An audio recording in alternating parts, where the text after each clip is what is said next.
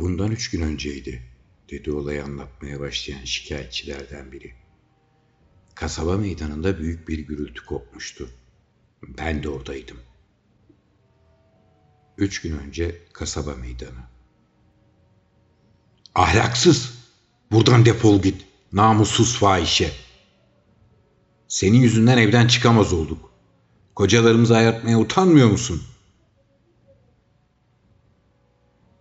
Kasabanın kadınları buraya birkaç önce taşınmış olan Leyla adlı Cezayir asıllı dul bir kadın önünü kesmiş, adeta linç edercesine onunla münakaşaya tutuşmuşlardı.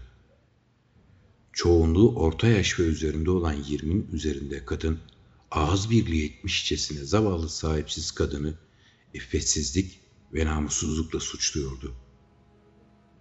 Kısa süre sonra erkeklerin de dahil olmasıyla birlikte olay daha da ciddi bir hal almıştı.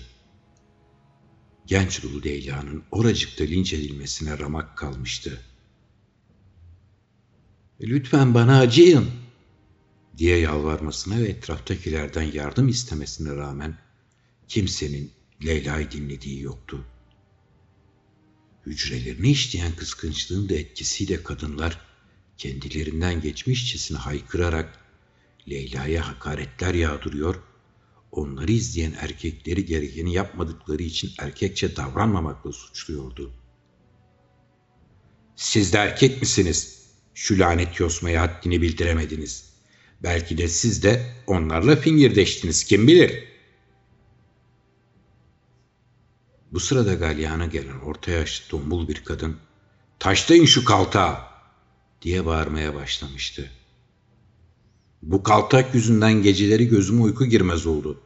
Biraz daha beklersek hepimizin gözlerinin önünde kocalarımızı ayartacak maazallah. Evet, hadi ne duruyorsunuz? dedi yaşlı bir kadın onları izlemeye gelen erkeklerin olduğu tarafa yönelerek. Zina edenin cezasını size ben mi öğreteceğim? Tam bu kargaşanın içinde kalabalığı yarıp oradan uzaklaşmak için bir hamle yapan zavallı Leyla sırtına inen bir tekmeyle yere kapaklandı. Ardından bir diğeri kafasını tekmeledi. Kafasından kanlar akmaya başlayan Leyla acı içindeydi. Hıçkırıklarla ağlıyor, kendisine yardım etmesi için içten içe Tanrı'ya yakırıp duruyordu. Ne yapmıştı da böylesi bir muameleye maruz kalmıştı bilmiyordu. Kimseye ayarttığı ya da kimseyle yatıp kalktığı yoktu Leyla'nın. Kendisine duyulan öfkenin nedenini anlamamıştı.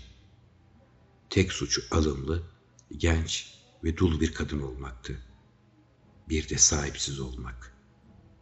Aslında her şey Leyla'ya göz koyan ama ondan umduğu yanıtı alamayan genç bir adamın ortaya attığı uydurma bir haberin kasabaya yayılmasıyla başlamıştı. Dul Leyla'nın geldiği kasabalardaki tüm erkekleri ayartıp onları kadınlarından ayırdığı yalanı kısa sürede dilden dile dolanınca olan olmuştu, kıyamet kopmuştu.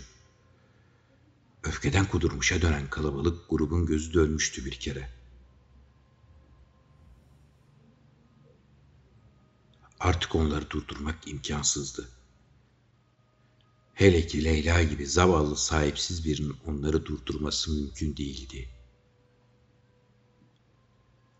Tüm çabalarına rağmen erkeklerin harekete geçmediklerini gören kadınlardan biri Leyla'ya taş atmak için yerden bir taş aldı. Taşı havaya kaldırmıştı ki kasabalıların korkulu rüyası haline gelen yün eğirici ortaya çıktı. Yün eğirici o gün her zamankinin aksine beyaz cübbe yerine simsiyah bir cübbe giyinmişti. Siyah cübbesinin neredeyse yarısını kaplayan gür ve beyaz uzun sakalları ve bembeyaz kaşlarının arasında birer yakut gibi parlayan iri gözleriyle oldukça haşmetli bir görünümü vardı. Elinde kül ağacından yapılma işlemeli uzun bir asa vardı.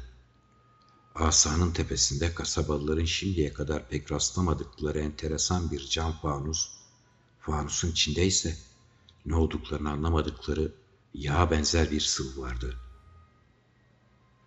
Aniden ortaya çıkan gün eğrici korkusuzca meydanın ortasındaki kalabalığın arasına dalmıştı. Meydandaki herkes nefesini tutmuş, az sonra olacaklara kilitlenmişti.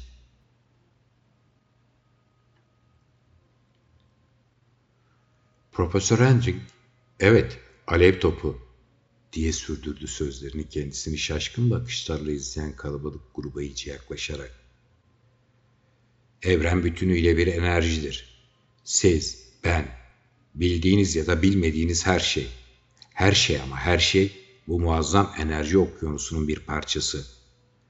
Evet, hepimiz aslında bir ve tek şeyiz. Enerji. Eğer yakından bakarsanız aslında madde diye bir şeyin olmadığını rahatça görebilirsiniz.